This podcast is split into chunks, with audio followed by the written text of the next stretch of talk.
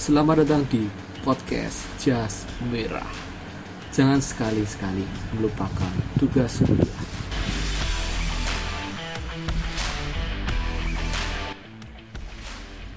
Yang kali ini akan membahas mengenai NATO dan apa NATO itu serta konflik yang melatar belakanginya. North Atlantic Treaty Organization atau Pertahanan Atlantik Utara adalah organisasi internasional keamanan bersama yang dibentuk setelah adanya persetujuan dan kesepakatan yang ditandatangani di Washington DC, Amerika Serikat pada tahun 1949.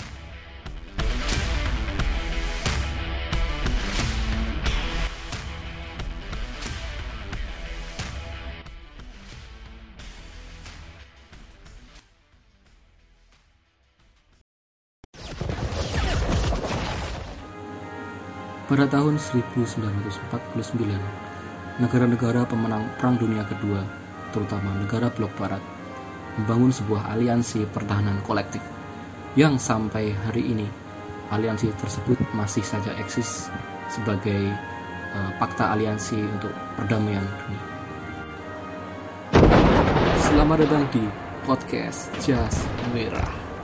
Jangan sekali-sekali melupakan tugas kuliah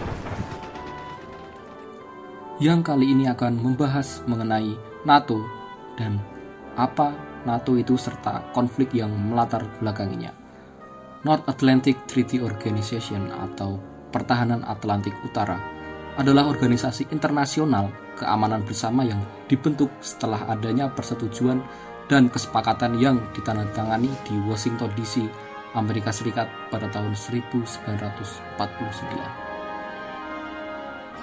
Pada awalnya, setelah Perang Dunia II selesai, pemenang perang dari blok barat seperti Amerika Serikat, Inggris, dan Prancis memiliki paham demokrasi liberal yang tentu saja paham ini sangat berbeda dengan pemenang perang dari blok timur yaitu Uni Soviet yang menganut paham komunisme.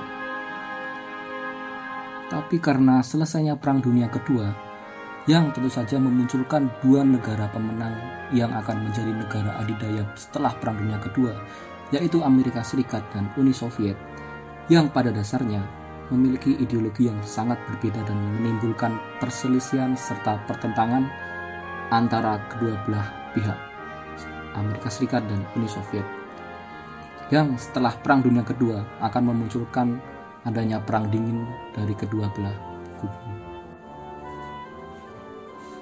NATO berdiri juga untuk mencegah semakin berkembang dan meluasnya pengaruh Uni Soviet terhadap negara-negara di Eropa. Dan untuk membendung pengaruh tersebut, Amerika Serikat dan blok barat lainnya sepakat untuk membentuk aliansi pertahanan Atlantik Utara yang tujuannya untuk membendung pengaruh komunisme di Eropa Timur agar tidak semakin meluas. Di sisi lain, dari pasal pembentukan NATO yang juga bertujuan sebagai aliansi pertahanan kolektif terhadap invasi yang akan dilakukan oleh Uni Soviet sewaktu-waktu dan Pakta Warsawa yang setiap waktu akan mengintai blok barat untuk jatuh ke dalam pengaruh komunisme Uni Soviet. Beberapa negara yang membentuk pertama kali pertahanan Atlantik Utara sebagian adalah negara pemenang blok barat seperti Amerika Serikat, Inggris, Prancis, Norwegia, Denmark, Belgia, Belanda, dan Italia.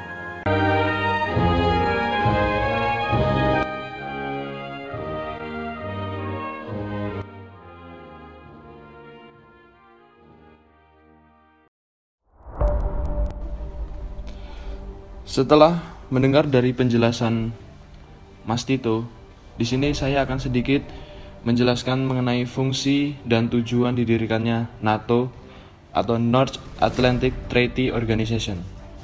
Yang pertama, saya akan menjelaskan tujuan didirikannya NATO adalah untuk menjaga keamanan dan perdamaian bagi para negara anggotanya di dalam bidang politik, militer, serta pertahanan dalam menghadapi ancaman.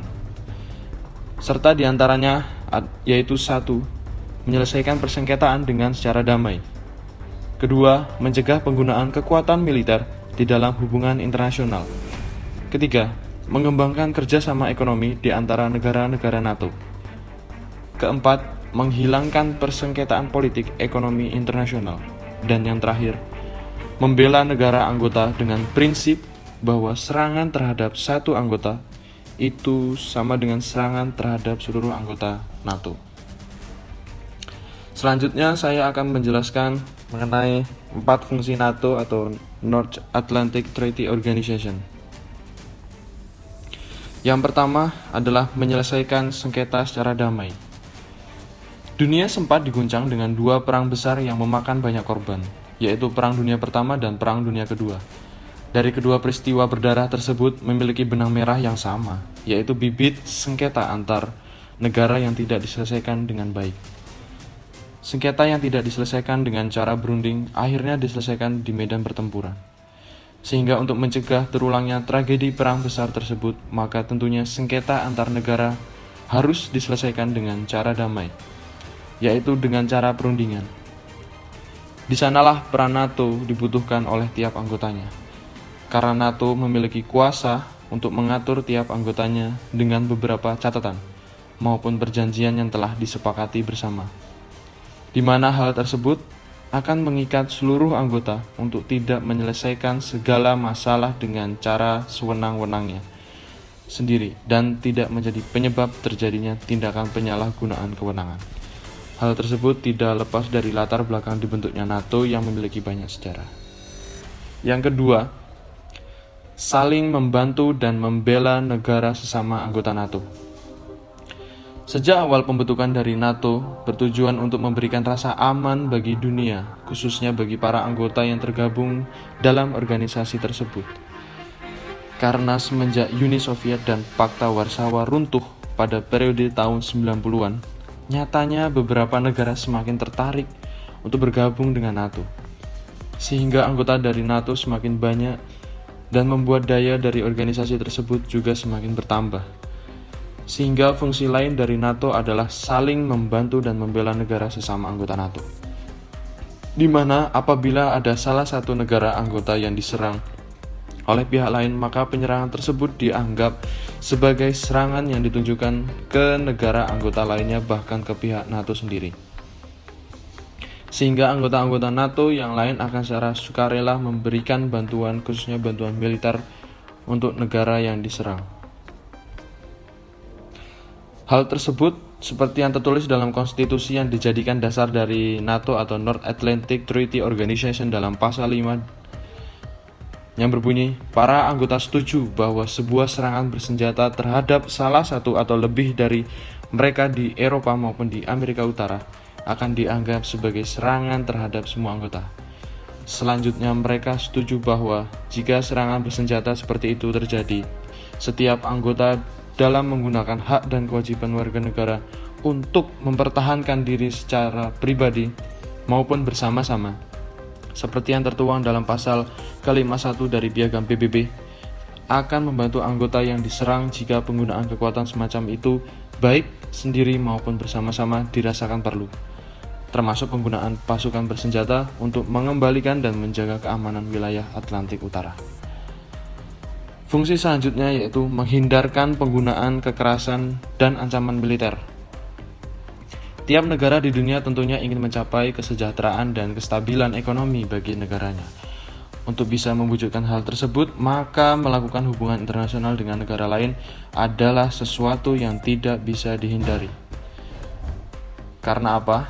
Dengan melakukan hal tersebut, maka roda perekonomian negara dapat berputar lebih cepat namun hubungan internasional bukannya tanpa resiko, karena sering kali terjadi sengketa dalam sebuah masalah yang dialami oleh dua negara atau lebih yang saling berhubungan. Dan apabila tidak diselesaikan dengan baik, maka penyelesaian sengketa tersebut dapat menggunakan kekerasan, bahkan kekuatan militer.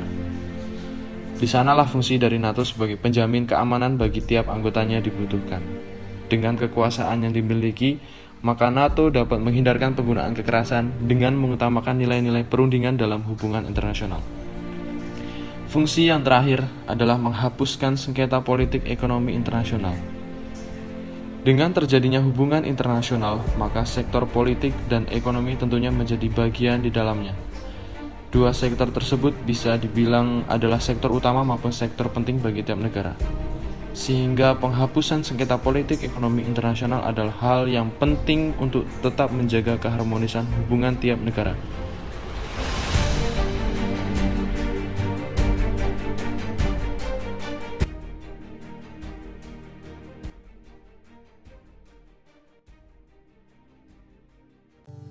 Setelah opening dari saudara Tito dan dilanjutkan dengan saudara Agam, saya akan sedikit menjelaskan tentang struktur dari NATO atau North Atlantic Treaty Organization ini. Nah, dalam menjalankan tugas dan mencapai tujuannya, NATO punya organ-organ yang diatur dalam pasal 9 perjanjian NATO bahwa para pihak yang terkait membentuk council atau dewan, yang kemudian dewan ini membentuk badan-badan pendukung yang memiliki tugasnya masing-masing. Badan-badan pendukung itu terdiri dari tiga. Yang pertama, civilian structure, yang kedua military structure, dan yang ketiga organization and agencies. Langsung masuk ke badan pendukung yang pertama, yaitu civilian structure. Ini terdiri dari Komite Pertahanan atau Self-Defense, punya fungsi memberikan nasihat kepada Council dalam pelaksanaan pasal 3 dan pasal 5. Pasal 3 itu isinya kesepakatan kerjasama di bidang budaya, sedangkan pasal 5 itu berisi tentang perjanjian mengenai pertahanan kolektif oleh negara-negara anggota Brussels Treaty atau Perjanjian Brussels. Ada tiga bagian besar di dalam struktur sipil NATO. Yang pertama itu NATO Headquarters atau markas besar NATO. Yang kedua Permanent Representatives and National Delegation. Dan yang ketiga itu International Staffs atau Staff Internasional. Markas besar NATO itu berada di Brussels, tempat untuk menampung para perwakilan tetap dan delegasi nasional juga para staf internasional. Kemudian Permanent Representatives and National Delegation itu merupakan uh, perwakilan dari setiap negara anggota NATO yang didukung oleh delegasi nasional yang berisi penasehat dan juga pejabat yang mewakili dari negara mereka atau komunitas NATO lainnya. Nah, di dalam struktur sipil ini tuh juga terdapat sekretaris jenderal yang menjabat sebagai ketua Dewan Atlantik Utara, Komite Perencanaan Pertahanan, dan Grup Perencanaan Nuklir. Yang terakhir itu staf internasional, itu bertugas langsung di bawah Sekjen NATO dan beranggotakan dari masing-masing negara anggota. Staf internasional itu juga mendukung proses, proses konsensus building dan pengambilan keputusan antara anggota dan negara partner serta bertanggung jawab untuk persiapan dan follow up dari pertemuan dan kebijakan yang diambil dari Komite NATO dan institusi lain dalam bentuk kerjasama bilateral ataupun multi multilateral dengan negara-negara non-anggota yang ada sejak berakhirnya Perang Dingin. Kita memasuki badan pendukung yang kedua, yaitu military structure atau struktur militer atau organisasi militer. Nah, ini tuh terdiri dari semua aktor militer dan formasi yang terlibat dan digunakan untuk melaksanakan keputusan politik yang memiliki implikasi militer ya, sesuai namanya. Military structure ini dikepalai oleh Military Committee yang merupakan otoritas tertinggi di NATO dan terdiri dari beberapa sub kayak Kepala Pertahanan NATO, Badan Eksekutif, Staf Militer Internasional, Allied Command Operation atau Sekutu Komando Operasi, dan struktur komando militer, serta beberapa struktur lainnya lah. Di sini saya akan menjelaskan sedikit saja tentang sub dari military structure. Yang pertama itu komite militer. Itu tugasnya untuk memberikan arahan strategis kepada NATO. Masing-masing negara anggota punya perwakilan militer yang dijadikan sebagai kepala pertahanan negaranya. Nah, yang kedua itu ada Staf Militer Internasional itu tanggung jawabnya itu merencanakan, mengkaji, dan merekomendasikan kebijakan yang berhubungan dengan permasalahan militer untuk dipertimbangkan oleh komunitas militer. Nah, juga untuk memastikan bahwa kebijakan dan keputusan yang nantinya diberlaku diimplementasikan itu sewajarnya tuh kayak gimana kayak gitu. Terus staff militer internasional tuh punya beberapa divisi yang kayak Plans and Policy Division, Operation Division, Intelligence Division, Cooperation and Regional Security Division, dan lainnya. Kemudian ada sub yang ketiga yaitu Sekutu Komando Operasi. Itu tanggung jawab untuk perencanaan dan pelaksanaan semua operasi gabungan. Nah, sekutu komando operasi ini tuh terdiri dari sejumlah kecil markas yang didirikan secara permanen. Nah, masing-masing yang mempunyai peran tertentu. Jadi, panglima tertinggi di sekutu Eropa atau Supreme Allied Commander Europe menerima semua perintah pada tingkat strategi dari kantor pusat di Mons, Belgia.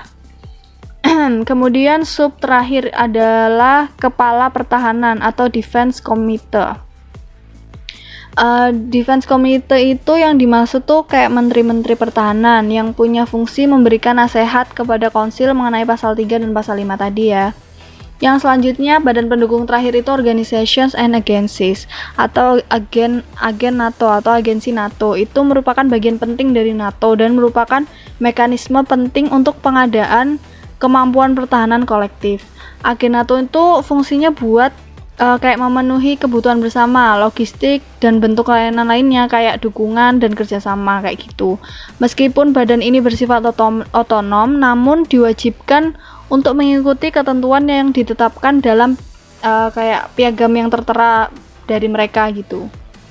Dalam organisasi eh, dalam hal ini yang dijadikan patokan untuk bertindak adalah sesuai dari uh, perjanjian NATO tersebut. Jadi di organizations and agency itu terdiri dari lembaga-lembaga juga. Nah, lembaga-lembaganya yang dimaksud itu apa sih? Ada logistik, production, production logistik, standardization, civil emergency planning, air traffic management dan lainnya. Nah, sedikit tentang struktur NATO yang sudah saya jelaskan. Untuk lebih lanjutnya ada ke pembahasan selanjutnya.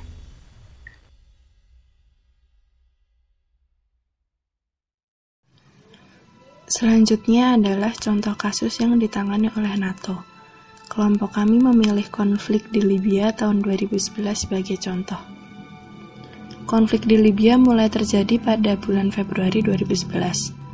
Nah, konflik ini bermula dari demonstrasi warga Libya yang menuntut mundur pemimpin Libya pada waktu itu yaitu Muammar al-Hadafi yang sudah lama berkuasa selama 42 tahun. Masyarakat Libya yang berdemonstrasi menyerukan pergantian kepemimpinan Hadafi dan meminta diadakannya pemilihan umum yang demokratis.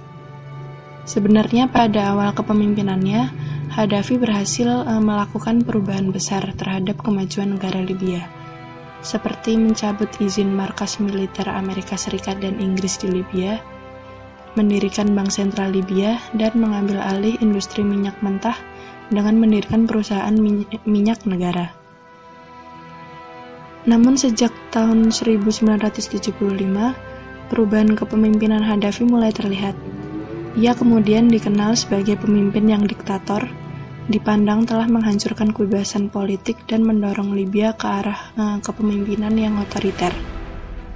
Contoh dari kebijakan otoriternya antara lain melarang rakyat Libya mengkritik kinerja pemerintah, terus melarang mendirikan partai politik, dan adanya pengontrolan terhadap media, baik milik pemerintah maupun swasta.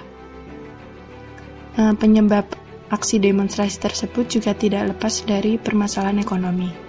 Kurangnya lapangan pekerjaan, kemiskinan, dan jumlah pengangguran yang semakin tinggi memicu ketidakpuasan rakyat terhadap pemerintahan Presiden Hadafi. Hadafi sendiri dianggap telah melakukan korupsi selama kepemimpinannya. Sebagai pemimpin yang telah menjabat dalam kurun waktu yang lama, ia dinilai tidak merepresentasikan kepentingan rakyat dalam kebijakannya. Meskipun Libya merupakan salah satu negara yang kaya akan minyak, tetapi kekayaan sumber daya alam tersebut uh, tidak mengalir merata kepada rakyat. Sebagian besar pendapatan negara justru masuk ke dalam kantong Hadafi sendiri, keluarga Hadafi, serta para kroninya. Awalnya aksi demonstrasi berlangsung dengan damai. Namun dalam beberapa hari kemudian, jumlah warga yang mengikuti aksi semakin banyak.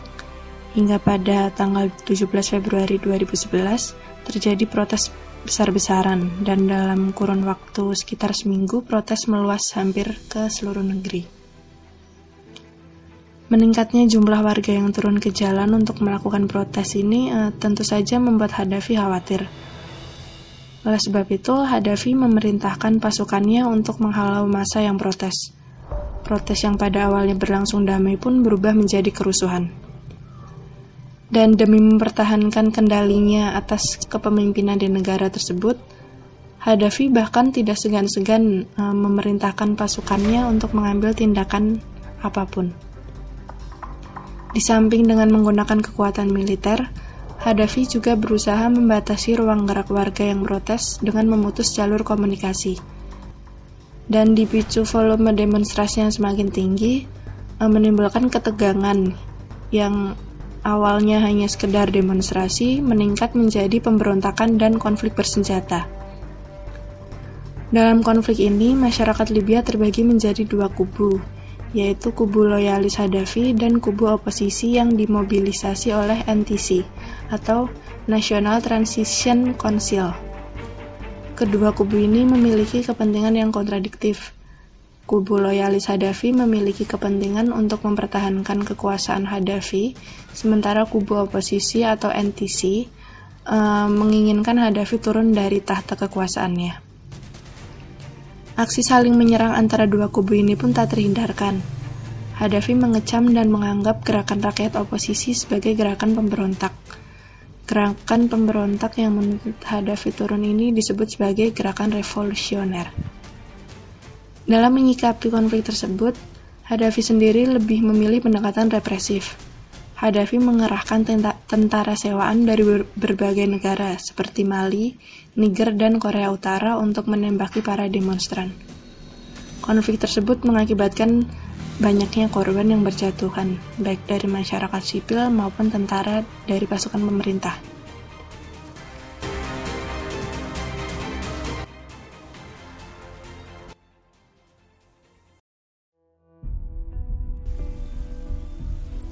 Kemudian yang selanjutnya adalah tentang legalitas NATO di Libya.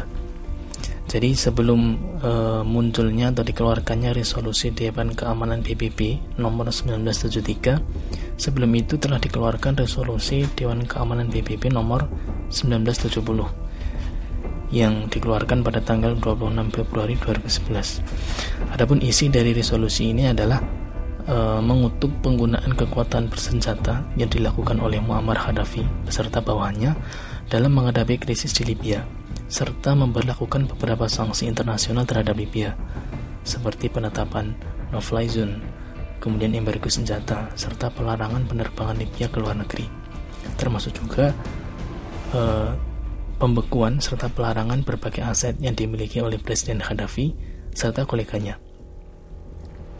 Kemudian juga pembentukan panel ahli untuk menindaklanjuti resolusi tersebut yang pada akhirnya menghasilkan resolusi Dewan Keamanan PBB nomor 1973 yang dikeluarkan pada tanggal 17 Maret 2011 terkait situasi yang sedang tidak kondusif yang terjadi di kawasan Libya yang semakin hari semakin memburuk dengan jumlah korban yang terus bertambah dan serangan senjata yang terus meningkat yang dilakukan oleh Presiden Gaddafi dan anak buahnya.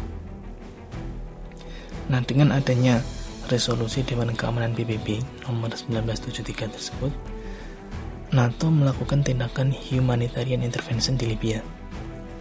Dalam misi kemanusiaan di Libya tersebut, NATO mendapatkan rekomendasi untuk menyelesaikan konflik yang terjadi atas dasar usulan Dewan Keamanan PBB. Jadi keterlibatan NATO di uh, Libya tersebut uh, sudah sangat jelas. Kemudian juga diperjelas lagi oleh Eh, kepresidenan Prancis yang mengatakan dalam suatu pernyataan bahwa kedua presiden, yakni Presiden Amerika Serikat serta Presiden Prancis, telah melakukan pembicaraan, telah melakukan diskusi untuk mengatasi situasi yang terjadi di Libya, yang pada akhirnya keduanya, Presiden Prancis dan Presiden Amerika sepakat mengenai uh, bagaimana struktur komando NATO akan digunakan untuk membantu koalisi di Libya yang sedang tidak kondusif. Dalam misi humanitarian intervention yang dilaksanakan oleh NATO tersebut, yang perlu diketahui adalah eh, tindakan ini hanya terbatas pada kontrol komando. Jadi tidak ada uh, keberpihakan atau tidak ada kecondongan pada salah satu pihak yang bertikai. Hal ini juga dipertegas oleh pernyataan pemerintah Inggris yang pada saat itu diwakili oleh Menteri Muda Pertahanan Inggris menyatakan bahwa NATO dalam agresi di Libya hanya sebatas sebagai penyedia fasilitas kontrol komando. Kemudian eh, pasukan koalisi di bawah kendali NATO yang dikomandai oleh Letnan Jenderal Charles Bouchat dari Angkatan Udara Kanada ini pada akhirnya melakukan serangan terhadap Libya. Serangan militer ini juga e, berdasarkan keputusan yang tertuang di dalam bab 7 Piagam PBB serta resolusi Dewan Keamanan PBB nomor 1973 yang mana salah satu poin pentingnya berisi memberi wewenang kepada negara-negara anggota yang telah memberitahu Sekretaris Jenderal untuk bertindak secara nasional atau melalui organisasi ataupun melalui pengaturan regional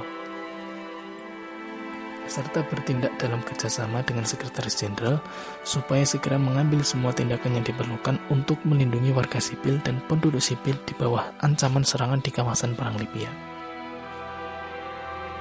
Jadi berdasarkan eh, apa yang sudah tertulis di dalam resolusi Dewan Keamanan PBB nomor 1973 tersebut dapat diambil kesimpulan bahwa mengambil langkah-langkah yang diperlukan dalam menyelesaikan konflik yang terjadi di Libya dapat menggunakan organisasi regional. Dalam hal ini adalah NATO. NATO turun tangan, NATO diberikan kewenangan untuk mengatasi untuk melindungi masyarakat sipil di Libya atas tindakan penyerangan yang dilakukan oleh pemerintah Libya. Kemudian menanggapi isi dari resolusi tersebut, tindakan humanitarian intervention yang dilakukan oleh NATO di Libya memiliki misi yang terdiri dari tiga unsur, yakni uh, embargo senjata, kemudian no fly zone, dan yang terakhir adalah tindakan untuk melindungi warga sipil dari berbagai serangan atau ancaman senjata yang dilakukan oleh pemerintahan Muammar Gaddafi. Kemudian uh, jika kita melihat kembali isi dari resolusi DKPBB nomor 1973 tersebut disebutkan pula bahwa peran pasukan koalisi hanya terbatas pada memberi perlindungan kepada masyarakat yang mengalami ancaman kemanusiaan di dalam negeri. Selain itu juga terdapat kalimat while excluding a foreign occupation force of any form. Jadi secara poin besar eh, hal ini melarang tindakan pendudukan oleh pihak asing dalam bentuk apa pun. Hal ini juga berarti bahwa pasukan koalisi dilarang untuk menduduki Libya dengan alasan dan juga uh, dalam bentuk apa pun. Adapun pasukan diberi wewenang uh, bukan untuk menggulingkan rezim Gaddafi, akan tetapi dengan menggantikannya dengan pemerintahan lain yang berasal dari Libya itu sendiri. Oleh karena itu, setelah pelaksanaan tujuh bulan intervensi yang dimulai pada tanggal 19 Maret 2011 dan berakhir 31 Oktober 2011 dalam misi penggulingan uh, pemimpin Libya Muammar Gaddafi secara resmi keterlibatan NATO di Libya telah telah berakhir.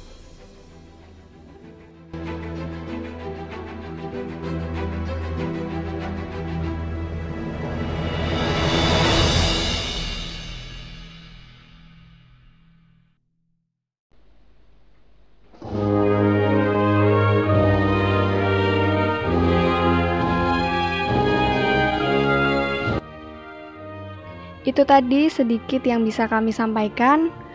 Tito, Agam, Windy, Naim, dan Denny pamit undur diri. Terima kasih.